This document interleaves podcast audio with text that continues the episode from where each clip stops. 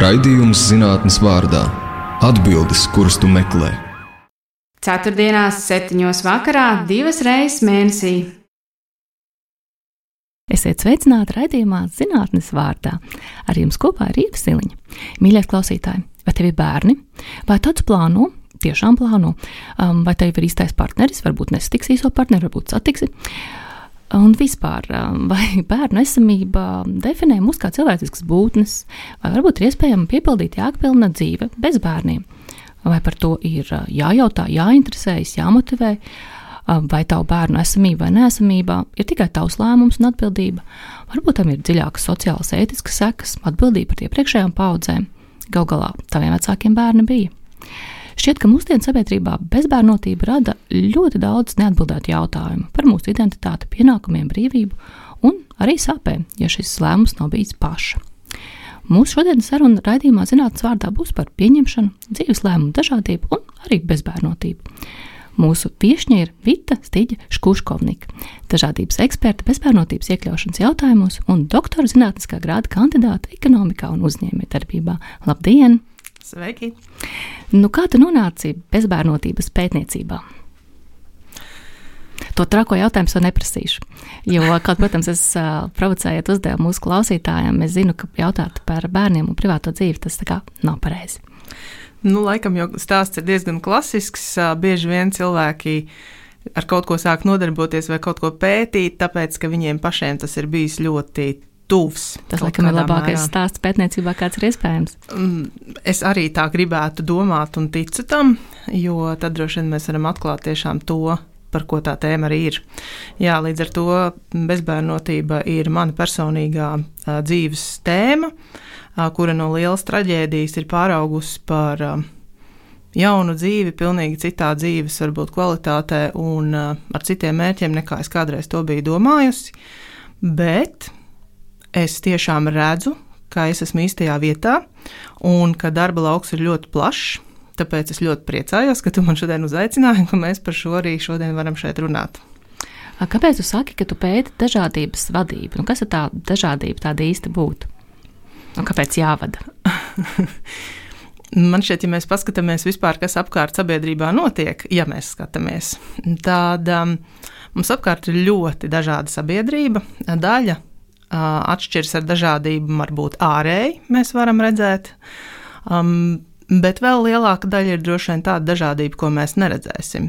Neredzēsim uh, un nezināsim noteikti iepazīstot cilvēku tikko, satiekot viņu. Uh, iespējams, arī neredzēsim un nezināsim par to, esot uh, kontaktā pat ļoti ilgu laiku, pat esot radniecībā ar šiem cilvēkiem. Un um, dažādība jau patiesībā ir to, ka mums ir jāvar būt atvērtiem, pieņemošiem un cieņpilni izturēties, jāmāk pret jebkuru cilvēku, pieņemot to, ka mana pasaules uh, uztvere nav kā, viena vienīgā patiesība. Nu jā, manējā pieredze nav tāda pieredze, kā ir pilnīgi visiem.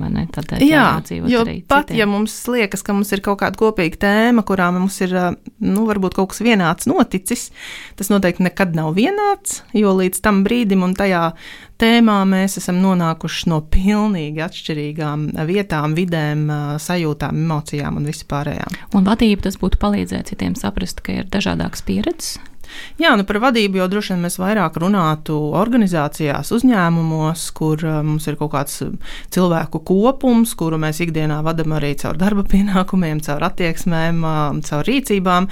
Tad arī dažādības vadība nu, būtu viena šī te arī attieksmes lieta kā pieņemt, ka mēs esam dažādi, kā ļaut visiem justies iekļautiem, vienlīdzīgiem un nodrošināt visiem tādas iespējas, kuras katram ir svarīgas. Un tas jau patiesībā tieši ir uzņēmējs sapnis, vai ne, ka visi jūtas piederīgi, iekļauti un labāk strādā, rada lielāku vērtību. Nu, vismaz darbinieku sapnis tas ir noteikti. Tu pieminēji tādu dažādības apli, kad mēs runājām pirms, pirms mūsu sarunas. Kas tas ir?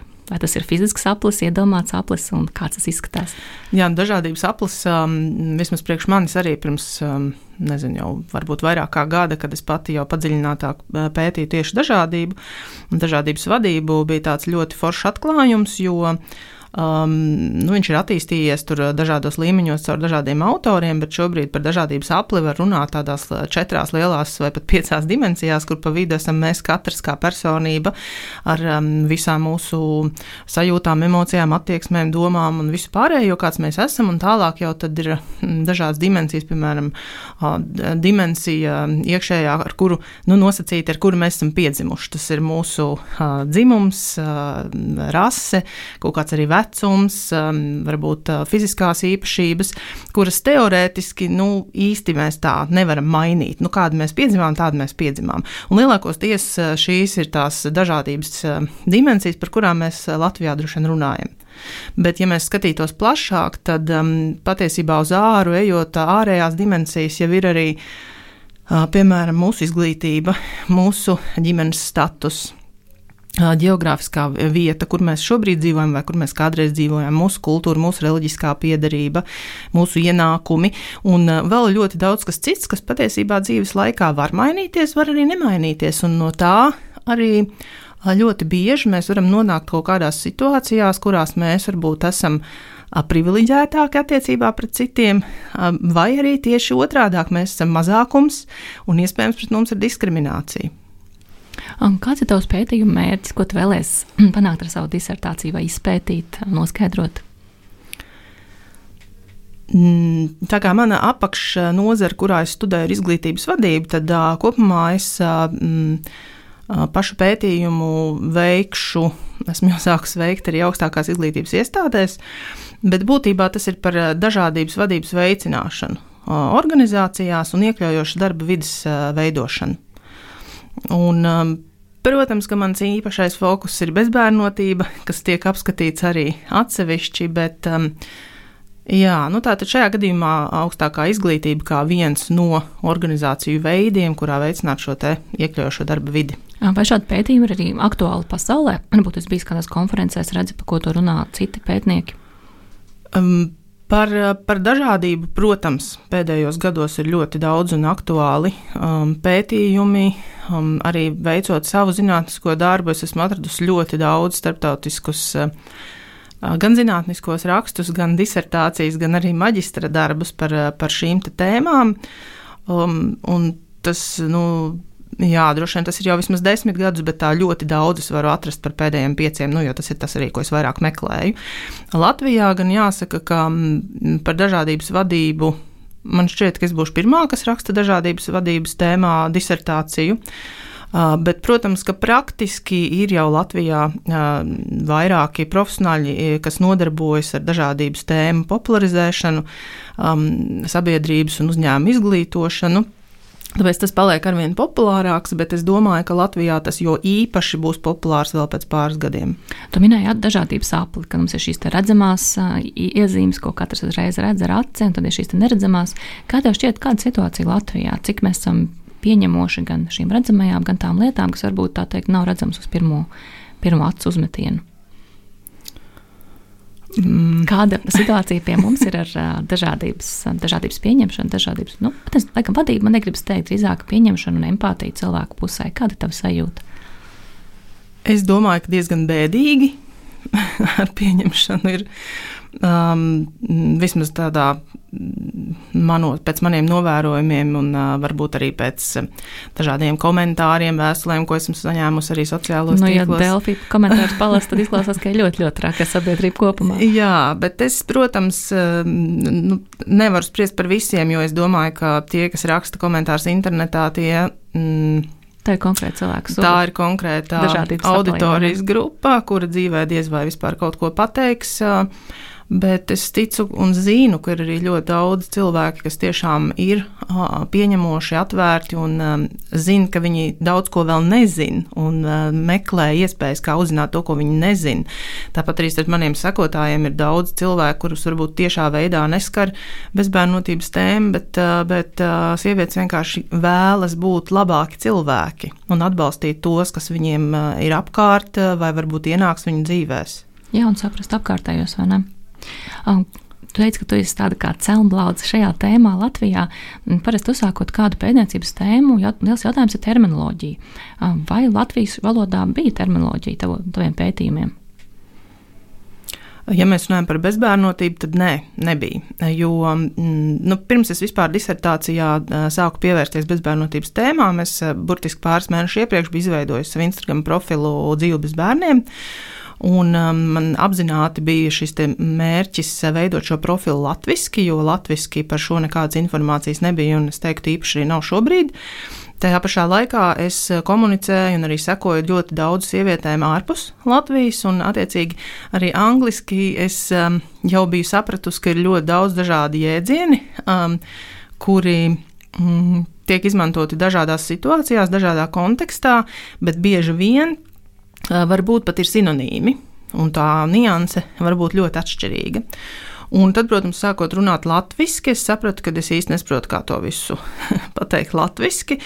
Un vienīgais vārds, kas latviešu bija jau apstiprināts jau kopš 2001. gada demogrāfijas vārnīcā, ja es pareizi to vārnīcas nosaukumu minu, bija bezbērnotība.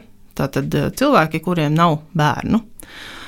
Um, un, um, Bet man jau ar to nepietika, jo mans mērķis tiešām ir runāt par to, ka tas, ka nav bērni, jau nav nu, ne, nepasaka visu. Un tas ir tas, kāpēc man šķiet ir svarīgi par to runāt arī no dažādības konteksta, jo cilvēkiem ir ļoti daudz šie priekšstati un stereotipi, ka, ja nav bērni, tā tad skaidrs pati vai pats gribēja. Bet tieši tāpēc man bija svarīgi arī latviskot šo, to, šo bezbērnotības terminoloģiju, lai pirmkārt iezīmētu divus šos virzienus, ka var bērnus negribēt apzināti. Child free vai ne? Angliski Jā, child free. Mm, un uh, otrs ir uh, childless, uh, kas būtu, ka bērni vienkārši neienāk kāda dzīvē, kaut arī viņi ļoti, ļoti gribētu, un tam var būt ļoti daudz dažādu iemeslu. Un tu teici, ka Latvijā galīgi nav par šo informācijas. Vai tiešām šī nav problēma, vai mēs vienkārši par to nerunājam? nu šeit es laikam citēšu vienu citātu, kas man ļoti palika atmiņā pēc um, vienas uh, diskusijas kur man teica, sieviete ar zinātnisko grādu, nu, kāpēc tu vispār runā par šo tēmu? Mm, es 20 gadus esmu strādājusi biznesā, vadošos amatos, neko tādu neesmu novērojusi. Un tas jau nekas, ka tev ir zinātniskie raksti, tagad uzrakstīti, visas pasaules pētījumu un lokus aptverts, bet tāda tēma neeksistē. Nevajag uzpūst ziloni apmēram no tā, kas, um, kas, nu, kas nav. um, izvēlēties citu tēmu. Un man liekas, ka šis ļoti labi parāda, kur mēs atrodamies par šo cilvēku attieksmi pret citiem. Bet katrs no mums pazīst virkni sieviešu, kurām nav bērnu. Jā.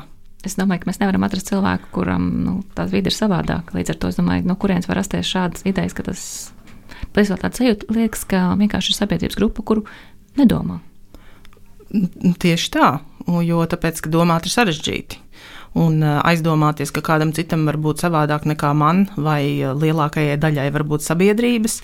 Kaut gan arī nu, nekur jau nav teikts, ka visi cilvēki, kuriem Latvijas sabiedrībā ir bērni, tiešām šie bērni ir ienākuši tā hops, Uzreiz, kad sagribējām, viņi ienāca dzīvēs. Viņi varbūt ienākuši caur ļoti daudz zaudējumiem, caur ļoti daudz pārdzīvojumiem, mēģinājumiem un ar lielām sāpēm. Un, eh, tāpēc, ehm, jā, tāpēc par to jārunā. Nu, piemēram, slimību kontrolas profilakses centrs Amerikas Savienotajās valstīs um, ir izpētījis, ka pēdējo desmitgažu laikā bezbērnu sieviešu īpatsvars pasaulīgi palielinās. Ja 1995. gadā bija runa par 35%, tad 2020. gadā jau 44% sieviešu vecumā no 15 līdz 44 gadiem nekad nav bijuši bērni. Nu, hei, tā ir gandrīz puse no sabiedrības. Kā to var kā, palaist garām? Jā, šie pētījuma dati ir ļoti interesanti, jo mm, vispār es arī esmu redzējis pētījumus par dažādām valstīm. Amerika, Ķīna. Austrālija, protams, Lielbritānija, dažādas Eiropas valstis, un, un šie Amerikas uh, procenti, ko tu minēji, tas ir nu, ļoti iespaidīgs skaitlis. Jo vidēji parasti tas ir, uh, ka um, vidēji vien, uh, viena no piecām sievietēm līdz 45 jā, gadu vecumam. Karalistē arī sāk pieaudzis no 18 līdz 20 procentiem. Jā, bet nu, dažās valstīs tas ir viena no četrām, viena no sešām. Uh, arī kaut kur sāk parādīties par vīriešiem. Jā, es tieši gribēju jautāt, ja mēs runājam, mums kaut kā automātiski šķiet, vai ne, sieviete, tas ir sievietes lēmums būt, nebūt šiem bērniem, vai, vai sievietes traģēdija, ja viņa vēlās, bet, bet šī iespēja netiek dota. Kur šajā visā ir vīrieši? Tur tā lieta, ka lielākoties mēs redzam šos pētījumus no sieviešu, no sieviešu statistikas viedokļa, bet cik es esmu redzējis par vīriešiem, tad Um, protams, es gribētu vairāk redzēt šos datus, bet es esmu redzējis, ka tie jau nu, pat ir divi no pieciem vīriešiem, kuriem ir piemēram neauglības problēmas, vai arī nu, kaut kādi iemesli, citi var būt, kāpēc nevar būt bērni un kur viņiem nav bērni. Un arī vēl bija viens cits pētījums, kas bija tieši par medicīniskās apaugļošanas aspektiem, un tur bija minēts, ka vidēji vien, viena no trīs sievietēm, kas atnāk uz medicīniskās apaugļošanas procedūrām, atnāk tieši tādēļ, ka vīrietim ir. Nu, varbūt neauglības vai citas problēmas. Tā sanāk, ka ir vairāk vīriešu bez bērniem nekā sieviešu bez bērniem. Tā sanāk. Un tā pašā laikā mēs runājam par sieviešu lietu, vai ne? Mm -hmm kultūra, kurā bērni pieder sievietē, vai ne? Jā, un tas arī atkal šeit ir saistīts ļoti ar šīm vēsturiskajiem uzskatiem, priekšstatiem. Ka vēsturiski, protams, gan ne, ne, varbūt ne tik tālā vēsturē, gan ļoti tālā vēsturē, sievietes galvenā loma bija, protams, mātes loma, rūpes par mājām, par, par pavardu. jā, bet, um, nu, Tāpēc jau mūsdienās arī dzimumu vienlīdzība ir ļoti aktuāla tēma, ka lomu sadala jau sen ir mainījusies, un, un mātes loma noteikti nav vienīgā identitāte, kas sievieti raksturo. Jā, un kāda ir iemesli šādam, šādai situācijai dzīvē, par to noskaidrosim pēc dziesmas. Šis ir raidījums zinātnes vārdā. Jums kopā ar Ievaseliņu viesos mums šodien ir dažādības pētniece Vita Stīģe Škūškovnika. Turpinam sarunu par bezbērnotību. Saki, Vita, nu kāda ir iemesla, kādēļ sievietei nav bērnu? Jā, iemesli droši vien eh, var būt ļoti daudz un dažādi. Ja mēs paskatāmies uz tādu mm, lielo apkopojošo statistiku, tad tiešām tas, ko mēs jau runājām, ka vidēji tā ir viena no piecām sievietēm, kas sasniedz šo 45 gadu vecumu bez bērniem. Um, bet, protams, šī statistika var būt arī uz vienu vai otru pusi mainīga atkarībā, atkarībā no valsts. Mm, bet, ja mēs paskatāmies uz visām šīm sievietēm, 100% sieviešu, kam nav bērnu, tad patiesībā tikai 10% ir tās, kuras ir tās saucamās child free, vai kuras apzināti nav izvēlējušās bērnu ienākumu savā dzīvē. Un tad vēl 10% ir atsevišķi izdalīta tieši neauglības problemātika, un pārējie 80% ir ļoti daudz dažādi citi apstākļi, kāpēc bērni neienāk ģimenē, kaut gan ir ļoti, ļoti gribēti. Tas nozīmē, ka mums nav pilnīgi nekādu tiesību nosodīt sievieti par to, ka viņa nav gribējusi bērnu, jo patiesībā lielākā daļa no šīm sievietēm to būtu gribējuši. Jā. Bet droši vien sabiedrībā lielākoties cilvēki uzskata otrādi, ka, ja nav bērnu, tad tu negribi. Bet tāds procents patiesībā ir mazs.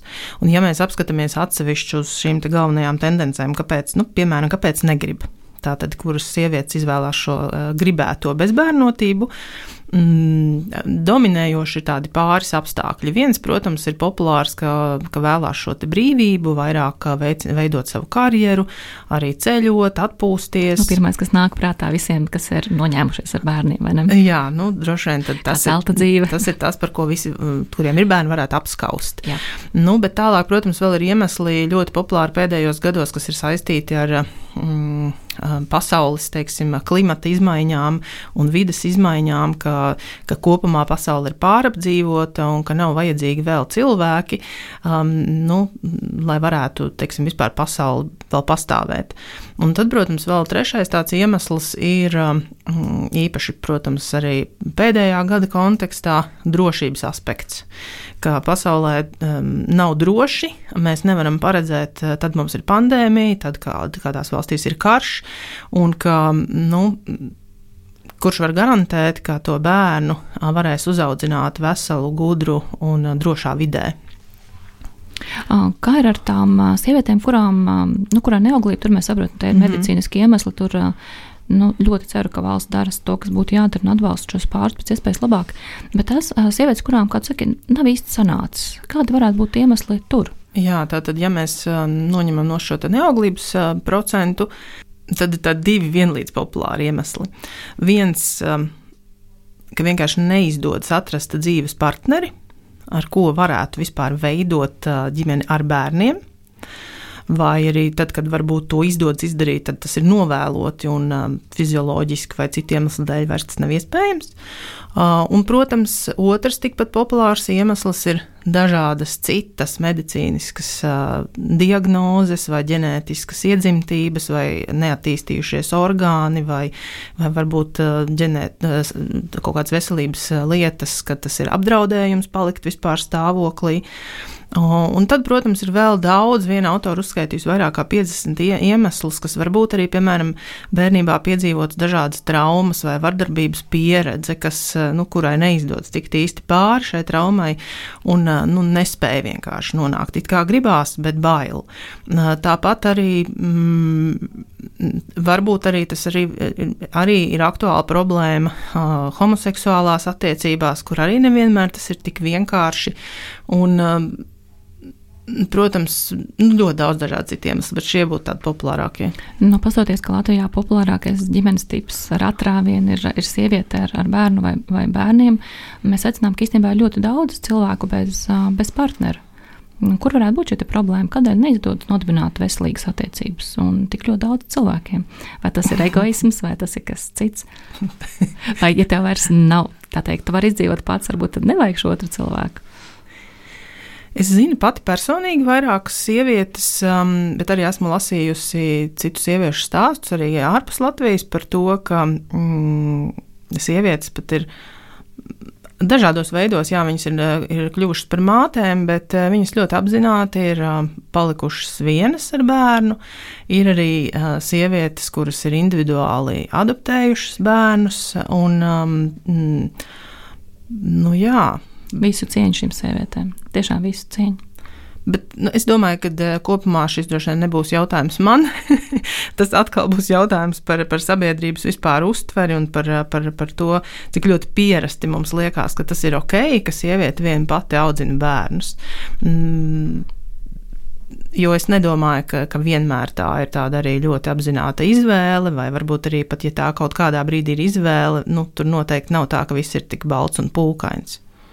Nu, Katrā ziņā ļoti cienu sievietes, kas um, piepilda savus sapņus. Um, Neskatoties uz to, kāda ir apkārtējās vidas situācija. Jā, bet, tas jā, ir ļoti tev, apbrīnojami. Jā, bet es piekrītu, ka tiešām droši vien lielāk, lielākā daļa tas nav pēc izvēles, bet um, diemžēl tā ir realitāte.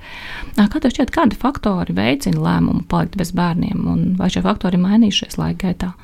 Tu domā pēc izvēles? Jā. Varbūt, ka vispār varbūt, um, tev ir kāda informācija par to, kā vispār mainījusies, mainījusies sabiedrība. Mm, man ir, protams, arī sekotājas, kas ir um, apzināti izvēlējušās uh, neradīt bērnus. Um, dažas ir tādas, kas ar mani sazinās un raksta, ka viņām liekas, ka viņas negrib, bet viņas nezina, kā būs pēc kaut kāda laika.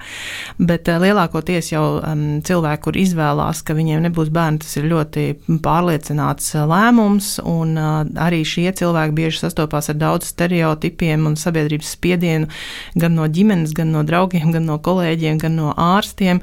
Cik es esmu klausījies klausījusies daudz stāstu par to, tiešām, ka, ka, ka standarta komentārs ir nekas, tu pārdomās pēc kāda laika. Un starp citu, tieši pirms dažām dienām redzēju, mm, ka iznāks kaut kāda starptautiska filma, kas būs par child free tēmu. Tā būs šausmu filma.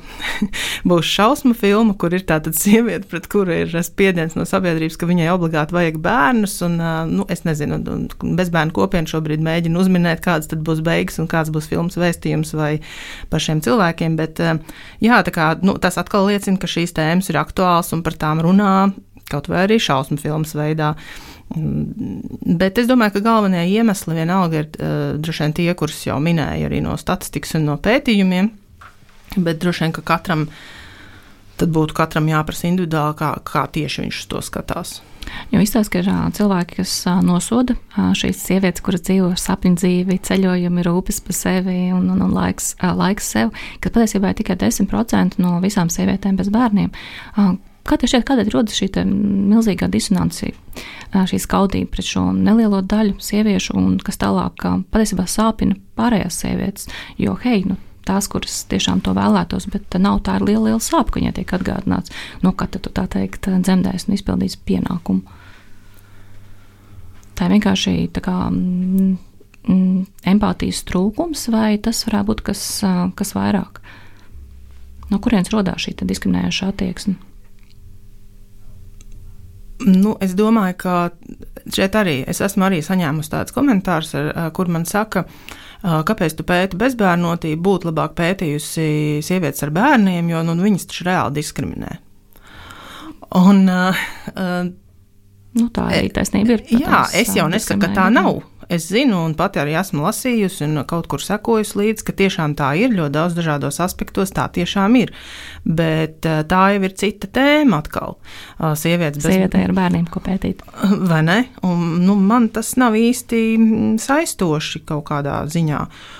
Es domāju, ka ka vienkārši ir tāds jēdziens kā neapzināta neapzinātība, un ka cilvēki bieži vien viņi nezina, ko viņi nezina, un tāpēc, protams, viņi saka šos komentārus un domas, izējot no savas pieredzes un sava priekšstata, un tas pirmais, kas, protams, nāk prātā tam, kuram ir bērni, o, tev nav bērni, tad jau tev viss ir kolosāli. Es arī esmu saņēmis, protams, tādus komentārus, būtu priecājusies, ka tev nav tev tāda milzīga brīvība dzīvē, tur var triekties ar naudu pa labi, pa kreisi, pienākumu nav, rūpes ne par vienu nav, nekā nav. Um, kā tev šķiet, kā atšķirās bezbērnotības pieredze vīriešu un sieviešu vidū? Vai ir atšķirība? Vai sieviete saņem lielāku spiedienu vai tomēr ne? Protams, ka sievietes saņem lielāku spiedienu. Protams, šie aizspriedumi droši vien ir ļoti lieli, jo īpaši ir kaut kāds vecums, kad tiešām uh, tuvinieki, draugi, arī kolēģi vai nu sāk uzdot jautājumus, vai nu izteikt komentārus, ka nu tad tu droši vien drīz iesi. Bērnu kopšanas pārtraukumā, nu, kad tev būs, kur tev laiks taču par to domāt, un tā. Mm, bet tāpēc arī pētījumos ļoti daudz tiešām runā par šo te. Mm, mm, ka tās ir tāds nu, neatzītais, tiešām tabū temats vai arī neatzītās sēras, ja mēs runājam par tām, kuras vēlējās. Jo kaut kādā mērā arī cilvēki bez bērniem ir tādā tā, tā, tā sauktamajā skapī, ja, no kura bieži vien arī nākās bieži iznākt. Un, bet bieži vien mēs apzināti paliekam šajā skapī, lai vienkārši neveicinātu uz sevi šos komentārus, jautājumus, uzbrukumus, aizspriedumainos viedokļus, um, mēģināt saglabāt to savu mieru. Un to dara arī cilvēki, kuri ir izvēlējušies, ka viņiem nebūs bērnu, vienkārši lai. Mm, kārtīgi reizi nebūtu kādam jāpierāda, kāpēc viņš dzīvo tādu dzīvi, kā viņš vēlās. Tas līdzīgi kā vecmāmiņa, kas prasa, nu, kad tad atradīsi beidzot vīru. Jā, un tas jau arī ir ļoti sāpīgs jautājums daudzām sievietēm. Arī manā šajā bezbērnu kopienā, ko, ko mēs veidojam kopā ar citām sievietēm, ir sievietes, kurām nav šie partneri. Un, nu, viņas jau arī par to ļoti pārdzīvo, un šie jautājumi par vīriem, par otrām pusēm un um, par partneriem ir tāds pats triggers, kā kad tev būs bērni. Tas noteikti ir. Manā pieredzē šeit labākais ir atrast kādu asprātīgu atbildi, piemēram, nu, kādēļ tu joprojām esi brīva, vienkārši paveicies. Un ar to vienkārši izbeigt, izbeigt sarunu, jo auglīgi jau tas noteikti nebūs. Jā, bet ne visās situācijās šīs asprātīgās atbildes der, jo cilvēkiem patīk tincināt. Uh, Ne visās situācijās cilvēkiem patīk godīgas atbildes, jo tad viņiem patīk turpināt arī tincināt un uzzināt vairāk. Un ne visās situācijās cilvēks, kuram ir uzdot šie jautājumi, ir emocionāli gatavs atbildēt ar joku vai ar godīgu atbildi. Tas laikam ir grūtākais. Tev pašam sāp, bet tev ir jāspēj vēl atvairīt uzbrukumus no cilvēka, kurš pokšķerējās. Vai izlikties, ka viss ir kolosāli, ko lielākoties cilvēki arī dara. Tas ir ļoti, ļoti sāpīgi. Kā tev šķiet, kā um, bērnu nesamība ietekmē cilvēku sociālo dzīvi, attiecības? Vai tas ir savādāk, kā, piemēram, komunicējot sociālajos tīklos, veidojot atbalstu sistēmu, draudzējoties? Mm, tas ietekmē ļoti. Es domāju, ka Es nevaru ļoti pārliecinoši atbildēt eh, par tiem, kuri ir izvēlējušies, ka viņiem nebūs bērnu. Jo noteikti jau nu, pašos pamatos tas arī teorijā ir par to, ka, ka šis viņiem rada nu, pozitīvs lēmums. Bet cilvēki, kuriem nevar būt bērnu, um, protams, pirmkārt tas ietekmē attiecības ar uh, dzīves biedru. Mm. Tam ir jābūt kopīgam lēmumam, faktiski. Jā, es zinu arī ļoti daudzus cilvēkus, tiešām, kas ir izšķīrušies, tāpēc ka vienam nevar būt bērnu, vai nesanāk, vai tiešām ir zaudēts bērniņš, vai vai, um, nu, jā, vai otram varbūt ir bērni no pirmajām attiecībām, bet viņš vairāk negrib. Protams, tas ietekmē attiecības arī ar ģimeni, ar, ar vecākiem, ar citiem radiniekiem, jo ne visās ģimenēs cilvēki ir gatavi par to runāt vai uzklausīt, nezinu, kā atbalstīt. Citās ģimenēs par to klusē gadiem, citās ģimenēs uh, saka, mm, cik daudz sievietes man ir uh, rakstījušas, ka vīra mātes, piemēram, saka, tad jau mans dēls no tevis droši vien drīz ies projām, jo viņš ir atradījis kādu, kura uzreiz paliks stāvoklī. Man ir teikts, ka man vienkārši jāaiziet ar kādu vīrieti, jāpārguļ. Un nav savam vīram nekas jāsaka. Es gan mēģinu iztēloties, kā mans vīrs varēs noticēt, ka tas, teiksim, ir viņa bērns. Ja? Mm, bet, um, nu, tad, protams, tālāk mēs skatāmies uz draugiem. Uh, ir kaut kāds dzīves brīdis, šodien, kad visi draugi, uh, visiem draugiem uh, ir ģimenes pieaugums, un tad visi par to tik vien runā. Jā, bērnīšu tusiņš vai ne? Ir raudzības, ir, ir bērnīšu ballītes, ir dzimšanas dienas, tagad arī bērnīšu overi vai nesāk ar vien populārāk palikt, un, un tad ir jautājums, nu, kurā brīdī tā kā Um, atkal atkarīgs no cilvēkiem. Kādam tas varbūt ir ok, viņš var iet mierīgi, turpināt uz šiem pasākumiem. Es nevarēju iet, man tas bija ļoti sāpīgi, bet es nezināju, ka es nevaru iet. Es tikai pēc kāda laika sapratu, ka es drīkstu arī neiet un par sevi parūpēties. Protams, tajā visā kontekstā ir arī šie jautājumi. Tad, protams, arī ir daļa eh, draugu, ar kuriem vienkārši pārstāvi draudzēties, attiecības um, mainās. Dzīvē toties ienāk jauni draugi, arī tādi, kuriem varbūt nav bērni vai bērni ir pieauguši. Protams, tas ietekmē arī attiecības ar kolēģiem, iespējams, jo ir tēmas, par kurām tu darbā nevari, negribi runāt, kur tu saņem šo spiedienu, tu jūties slikti, tava produktivitāte tiek ietekmēta. Um, tu domā, tā kā kolēģi jautājums par, par bērnu tēmu? Jā, jā jo es, nu, protams, katrā uzņēmumā ir cita šī iekšējā kultūra. Uh, bet, eh, nu, protams, ka dzimšanas dienās pie kafijas vai pārtraukumos bieži vien par ko cilvēki runā par ģimeni, par ko, ko kurš ir darījis vai kur darījis, vai ka kādam jāiet ātrāk izņemt bērnu no dārziņa, vai tur no rīta jāved pie kaut kāda uz kaut kurienu, vai bērns saslims. Un, protams, ka šie visi aspekti ietekmē tos, kuriem nav bērnu dažādos veidos. Un, um, nu jā, un tad pat arī aizejot kaut vai uz uh, pilnīgi neitrāla teritorija uz kādu pasākumu, vienkārši uz kādu pasākumu, kur iepazīsties ar pilnīgi svešiem cilvēkiem. Un bieži vien pirmais vai otrais jautājums ir, vai tev ir bērni? Un es patiešām esmu saņēmusi no vienas sievietes, no, ne no Latvijas, bet no ārzemju vienas sievietes, kuras teica, ka viņa aizgāja uz kaut kādu pasākumu, svešu pasākumu ar svešiem cilvēkiem, un tā viena vakara laikā viņa 30 reizes saņēma jautājumu, vai tev ir bērni. Un, eh, nu, un tad, ja šādi notiek eh, visu laiku, katru dienu, ka saules pateikt, bēršana brūcēs cilvēkam, kurš patiesībā būtu gribējis, bet tā iespēja šobrīd. Jā, un, un paralēli jau vēl jau ir parastā ikdiena, kurā tu esi vide, veikals, sabiedriskais transports, eh, kinoteātris, TV reklāma, internets, sociālie tīkli, kur arī nu, kā taču ir parasti to, kas tev aktuāls, to tu pamani visur. tu pieminēji darba vietu, vai ir kāda potenciāls risks diskriminācijai darba vietā? šī bezbērnu statusa dēļ? Jā, lūk, tas ir tas arī tāds jautājums, ko es pati ļoti, ļoti gribu izpētīt Latvijas situācijā un pārbaudīt. Es ceru, ka daļēji ar savu disertācijas pētījumu man arī kaut ko no tā izdosies ieskicēt, bet, bet es tieši biju pirms laika atradusi vienu 21. gada pētījumu, kurš bija tieši par darbiniekiem vai darbinieki ar vai bez bērniem darbā jūtās labāk vai sliktāk. Tur bija piedalījušies, neatceros, vairāk simti darbinieku, no kuriem divi no astoņiem bija bez bērniem. Tātad nu, gan ar gan bez bērniem darbinieki. Un, kopumā bija tā, ka m, patiesībā tur bija laikam 76% uzskata, ka darbinieki bez bērniem darbā tiek pret viņiem izturās sliktāk bet 67% arī teica, ka pret darbiniekiem ar bērniem darbā izturās sliktāk. Nu, šķiet, ka darba devējiem taču sapņu darbinieks būtu bez bērniem, vai ne? Nevar saslimt un, un, un nav jāiet uz skolu. Vienmēr var aizvietot visus, vai ne? bet man ļoti tieši šajā kontekstā, nu, tad mēs varam pārliecināties no šī kaut vai diviem datiem, ka jā, problēma ir gan tiem, kam nav bērnu, gan tiem, kam ir. Tad ir jāmeklē līdzsvars, tāpēc tur mēs varam runāt arī par dažādību, kā nodrošināt, lai visi jūtās labi.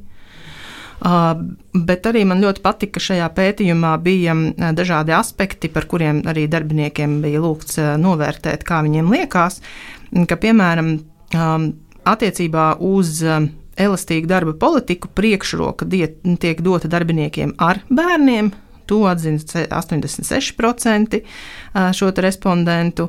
Tāpat arī dažādi iemesli, kad, piemēram, kāds nespēja ierasties darbā vai, vai veikt darba pienākumus, kas ir saistīti ar bērniem, protams, ir daudz atbalstošāki um, nekā, ja nav bērnu darbiniekam. To atzina 77%. Tāpat arī atvaļinājuma un brīvdienu plānošanā priekšroka 76% gadījumu būs tiem, kam ir bērni. Um, un, um, Nu jā, un arī šis man likās tāds, ka darbiniekiem ar bērniem ir jābūt iespējai paņemt vairāk brīvdienu nekā tiem, kuriem nav bērnu. 72% atzīst.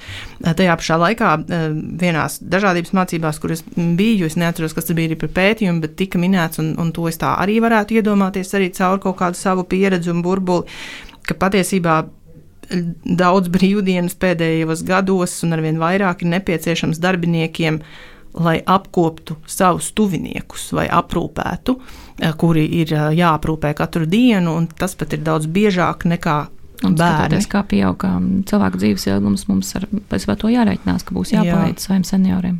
Jā, un ka pat tie ir tādi nu, populārāki iemesli nekā ņemt brīvdienu, tāpēc ka bērnam vajag. Un iespējams ir jāpārdomā šīs politikas, vai ne? Jā. Šis ir raidījums zinātnes vārdā ar jums kopā ir Ieva Siliņa. Viesosim šodien dažādības pētniece Vita Stiģes Škuko neizsāku vēlreiz. Šis ir raidījums zinātnes vārdā jums kopā ar Ievasiliņu. Viesosim šodien ir dažādības pētniece Vita Stiģa Škuškovnika. Runājam par bezbērnotību darba vietā. Saki, Vita, kāda praksa ir citur pasaulē? Jā, ļoti labs jautājums, jo, protams, es arī sekoju tam līdzi un um, dalos arī ar piemēriem, kurus es pamanu, un esmu komunikācijā arī ar sievietēm no citām valstīm, kuras um, par šīm tēmām runā uzņēmumos. Un, um, Nu, pirmkārt, praksa ir tāda, ka par šīm tēmām ir jārunā. Ir jārunā un uh, jāstāsta dažādos uzņēmumu vadības un darbinieku līmeņos, ka bezbērnotība ir uh, problēma, uh, ka bezbērnotībai arī var būt dažādi uh, virzieni, teiksim, kāpēc cilvēkiem nav bērnu, vai mm, ko piedzīvo cilvēki, kuri, piemēram, iet medicīniskās apaugļošanas procesu, ka tas nav teiksim, tik vienkārši un ka tā arī nav panacēja, ka pirmajā reizē viss izdosies. Tā laikam ir lieta, ko parasti no darba devēja slēpj, jo liekas, ka darba devējs jau nepriecāsies vai ne par uh, gaidāmo ģimenes mm, pieaugumu. Mm, tieši tā, arī ir pētījumi par to, ka tiešām sievietes jūtās apdraudētas, ja viņas pateiks, ka viņas iet šo ceļu un ka viņas atbrīvos droši no darba, jo domā taču, ka uzreiz viņa paliks stāvoklī, bet tas, ka paliek ar pirmo reizi stāvoklī, tā vienmēr nenotiek. Tas ir varbūt, nezinu, maksimums 30% gadījumu. Tāpat, protams, ir jārunā par situācijām, kad tiek zaudēta grūtniecība vai arī bērniņš nomirst.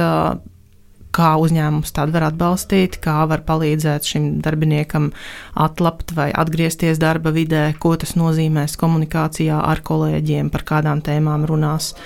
Mm, un nu, par šiem aspektiem tātad viens runāt, kas arī jau notiek, un uh, man ļoti gribētos, lai arī Latvijā uh, uzņēmumi būtu atvērti par šīm tēmām runāt un neuzskatīt, ka tā nav mūsu problēma. Jo nu, reāli katrs piektā sieviete, man liekas, tā ir liela problēma. Uh, otrs, protams, var skatīties dažādības un lojalitātes programmās, kā mēs varam tā tad mēģināt saprast, lai visi darbinieki mm, var saņemt dažādas atbalsta iespējas un izmantot, kā katram to vajag. Lai nav tā, ka, piemēram, tikai darbiniekiem ar bērniem ir kaut kādas priekšrocības, ko jau mēs apspriedām par uh, atvaļinājumiem, par darba grafikiem, varbūt par piemaksām, par, par dāvanām, par uh, pasākumiem un tā tālāk. Bet uh, kas ir tas, ko mēs varētu piedāvāt arī darbiniekiem, kuriem nav bērni? Vai nu, tā tad visdrīzāk jānoformulē iespējas, kuras katrs var izmantot sev. Brīvdiena, kuras paņem tad, kad man vajag, priekš tāda iemesla, kā man vajag, un man nav jāatskaitās, kāpēc, piemēram. Mm, Tāpat, tāpat nu, tajā pašā tēmā īstenībā arī ir tas, ka uzņēmumi ar vien vairāk ir piemēri daudz, nodrošina higiēnas preces labierīcībās. Un nevienam nav nekāda jautājuma, kāpēc, kā visur, jā, kāpēc tas ir vajadzīgs, priekš kam un kā. Arvien vairāk uzņēmumos um, Es, nu, bet ne Latvijā. Es esmu redzējusi arī uh, piemērus, kad sieviete var paņemt vienu līdz pat trīs apmaksātas brīvdienas mēnesī, ja viņai ir ļoti sāpīgs mēneša reizes. Un par to nevienam nav jāatskaitās. Vienkārši jāsaka, ka es šodien nebūšu. Um, tāpat arī tiešām uh, ir ļoti, uh, ļoti dažādos veidos, bet vairākos uzņēmumos esmu redzējis, ka ir noformulēts atbalsts, uh, piemēram, arī paņemt brīvdienas, ja sieviete ir vajadzīgs šis ārsta apmeklējums vai medicīniskās apaugļošanas procedūra. Tāpat pat vairāku nedēļu apmaksāts atvaļinājums pēc bērniņa zaudējuma. Ļoti, ļoti dažādi. Bet um, Es pagaidām nevaru iedomāties Latvijas situāciju, kur vispār kāda sieviete gribētu par šīm tēmām nākt un teikt, es tagad ņemšu atvaļinājumu, balstoties uz šī punkta.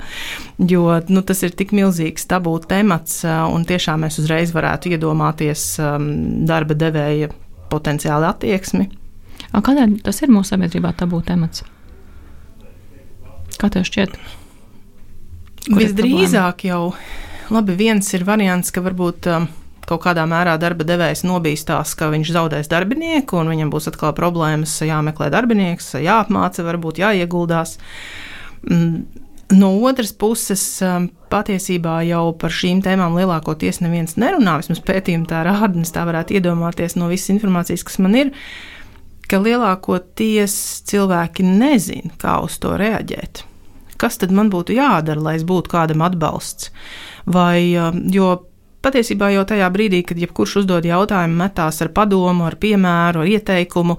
Veikls ātrs veids, kā palikt stāvoklī, ja tā kā jā, to un to. Jā, vai man draudzenei bija šāds piemērs, man šāds gadījums, reku tur aizgāja pie tā ārsta un tā un viss, un te var jāaiziet. Labi, vēl ja pie ārsta. Jā. pie ekstrasens. Arī, arī aiziet tur, vai, vai, vai, vai pie dieva esat vērsusies. Jā. Bet, um, nu, Teorētiski. Dievs to darbību nenodarījis, vai to gan es varu teikt? Nu, jā, bet es esmu tādas vēstules saņēmusi. Un, nu, no vienas puses mēs domājam, ka cilvēks tiešām jau no labas sirds viņš domā, oh, bet es zinu, ka kādam tā sanāca, nu, kāpēc lai es nepadalītos? Vēl pirms pāris dienām man bija saraksts ar vienu sekotāju, ka, ja man ir laba pieredze, kāpēc es tev varētu to neteikt? Es noteikti tev to pateikšu. Uh, uz ko es atbildēju, ka. Mm, Jautājums, kādā veidā tu man to pasaki, ja tu man pastāsti, bet mana pieredze bija tāda un tāda, tas ir viens, bet ja man tu, to saki, bet tev vajag darīt šitā un tā. Kaut gan patiesībā par mani varbūt neviens neko nezina.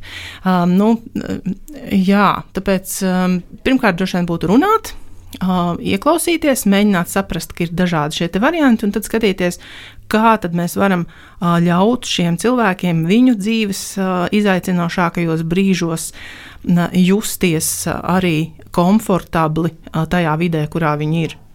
Jā, dažreiz šis it kā mēģinātais atbalsts ir pat kurjos.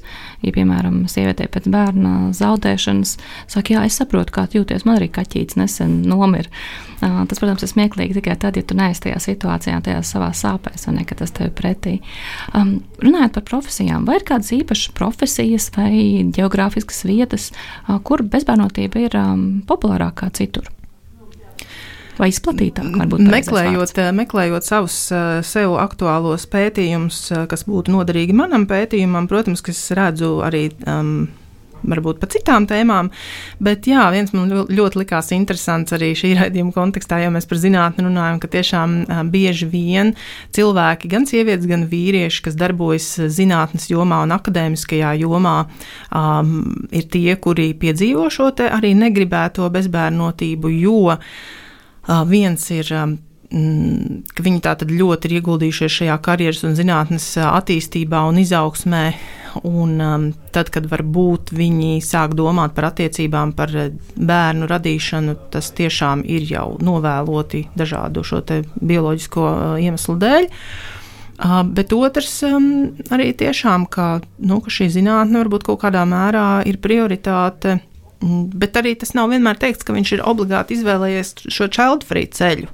Viņš um, varbūt par to tā baigi ikdienā nedomā. Nu, arī zinātniskās karjeras ceļš patiesībā jau paredz, ka tev jāieguldās, tev jādara, jādara. Un tajā brīdī, kad tu esi tāds nostabilizējies, nu, tīri dabiski tas parasti nāk ar, lielāku vecumu. Tajā tad šis partneris un vēlme un iespēja radīt šo bērniņu uzreiz vai nav. Jā, nu, es arī domāju, ka tur arī es, tas ir tikai mans viedoklis. Nē, es to pētījumos redzējusi, bet es domāju, ka sabiedrībā arī varētu būt daudz stereotipu par tādiem īstiem zinātniekiem. Uh, un, um, jā, jā, zinātnieks vairāk izstāsta pēc Ziemassvētku vecīšu nekā pēc, um, jā, pēc vītas. Vai ne, nu, kuram tad tur varētu interesēt bērnu, viņš taču sēž un ar zinātni nodarbojās. Bet jā, vēl garām ejot, es esmu arī redzējusi tāds pētījums, um, neatceros kurā no valstīm, bet nu kādā lielā, lielā valstī tātad ne Latvijā, bija minēts, ka teiksim, cilvēki, uh, kuriem nav bērni, kuri dzīvo un veido savas dzīves un karjeras prom no ģimenes, uh, bet lielpilsētās. Uh, viņi amerikāņu filmās jā, aizbrauc uz, jā, tur strādāt un tā. Un ka viņiem ir lielāka dzīves brīvība, mm, jo viņi nesaņem tik lielu spiedienu no saviem radiniekiem, uh, kuri nav vienkārši viņiem apkārt. Un tāpēc viņi jūtās arī labāk uh, pat ar savām izvēlēm par to, ka viņi negrib bērnus, vai varbūt arī uh, vieglāk veido jaunas dzīves, pat ja nepiepildās šie bērnu, bērnu vēlme. Bet tie savukārt cilvēki, kas ir nākuši no mazpilsētām un turpina arī tur veidot savas dzīves, daudz biežāk jūt eh, ļoti lielu šo spiedienu ne tikai no ģimenes, bet no tās kopienas, kurā viņi ir eh, auguši un dzīvo, mm, par šo, ka vajag bērnus un kā tad tev nav, un, un, un, un jūtās kaut kādā mērā ar to arī sliktāk, ja tas nepiepildās. Kur mūsu klausītājiem griezties pēc atbalsta, ja ir šī negribētā bezbērnotība? Vai ir kādi resursi, atbalsta grupas, līdzīgi domājušo domu biedru pulcēšanās vietas? Jā, šis ir ļoti, ļoti svarīgs uh, temats, jo es domāju, ka Tas ir iemesls, kāpēc es vispār arī par to sāku runāt, jo tad, kad es biju savā zemākajā dzīves punktā, un man bija blakus mans tuvākais cilvēks, mans vīrs, arī tad mēs abi katrs bijām savā zemākajā dzīves punktā. Un vairākus gadus nu, runājot par sevi, es varu teikt, ka tiešām es jutos, ka es esmu tāda viena uz šīs pasaules. Man neviens nesaprot, nevienam citam noteikti tā nav. Tā man ir tikai vienīgajai. Un tad, protams, tam visam nāk arī tīri pēc teorijas pētījumiem daudz dažādi, um, dažādas sajūtas, kā tur, nezinu, kauns, izmisums, identitātes trūkums, neizpratne, vispārējais, ko mēs varam iedomāties, ka cilvēkam ir slikti. Un, um, nu jā, es nezināju, kur tad es varu. Ka likās, ka es nekad no tās bedres neizkāpšu. Un tieši tāpēc šobrīd man šķiet, ka run, tāpēc arī jārunā par šīm tēmām vairāk, lai cilvēks pirmkārt saprastu, sajustos, ka viņš nav viens, vienalga sieviete vai vīrietis. Otrakārt, kaut kādā brīdī, protams, tikai pats cilvēks var nonākt līdz sajūtai, ka viņš ir gatavs meklēt palīdzību vēl nu, vairāk nekā tikai šo sajūtu, jo diez vai nu, reti kuram izdosies pašam tikt ar to galā. Tātad tas var būt psihologs, psihoterapeits, vai tas ir par paša maksu, vai varbūt caur kādu valsts programmu, vai caur kādu atbalsta centru, kur piedāvā šādas konsultācijas. Ja tas varbūt nav iespējams šobrīd vai kādā dzīves brīdī, tad droši vien ir vēlams meklēt kādu uzticamības personu, ar kuru var aprunāties, kura nevis dos padomus, bet spēs uzklausīt, pasēdēt, paklausīties, blaku, būt blakus, teiksim tā. Nu, un otrs, protams, tāpēc um, var piesakot manam profilam, dzīve bez bērniem. Um, es cenšos tur gan um, aktualizēt dažus šos stereotipiskos tēmas, gan arī kaut kāds ieteikums, kā var atbalstīt sevi dažādos dzīves brīžos. Uh, Um, es piedāvāju arī sievietēm ik pa laikam tikties ar mani viens pret viens, vienkārši parunāties. Um, mums ir izveidojusies arī plašāka sieviešu grupa. Uh, katru reizi viņa paliek lielāka, un tagad jau mums ir tā, ka mēs reiz divos mēnešos um, satiekamies uh, vienkārši sievietes. Mēs uh, runājam par ļoti daudz ko dzīvē, ne par bērniem var runāt par to, ko grib, bet vienkārši jūtamies, ka mēs varam būt brīvas viena ar otru un nebūs nekādi jocīgie jautājumi vai komentāri. Tāpat arī Facebook grupu es esmu izveidojusi atbalstu grupu. Um, kurā ir jau, man liekas, ap 30 sieviešu šobrīd. Es, protams, ceru, ka ar laiku šī grupa kļūs ar vien aktīvāka un sievietes būs uh, drosmīgas atklāties arī slēgtā vidē, jo tomēr tas tabū temats ir milzīgs. Um, nu jā, Un patiesībā tas viss arī kopumā pierāda, ka jo vairāk mēs dalāmies ar saviem stāstiem, jo vairāk um, cilvēki atklājās pretī. Un jo vairāk mēs ieraugām, ka mums katram blakus ir vismaz viens vai vairāk cilvēki, kur piedzīvo kaut ko līdzīgu, un pat nezināmās, kā nu, nejaušās situācijās, mēs redzam, ka tur arī ir atbalsts. Nu, es gan ceru, ka papildus tam, ka jūs atbalstat vienu otru, jūs domājat arī par to, ko varētu labāk darīt mūsu valsts līmenī, lai atbalstītu visas tās sievietes, visas tās ģimenes, kas gribētu bērniņu, un iespēja nav, jo ieteikumiem patiesībā būtu jānāk no tiem cilvēkiem, kas iet tam cauri, un kas labākā domu biedru grupa, kas šo visu saprot? Bet nobeigumā, kādu ieteikumu tu dot mūsu klausītājiem?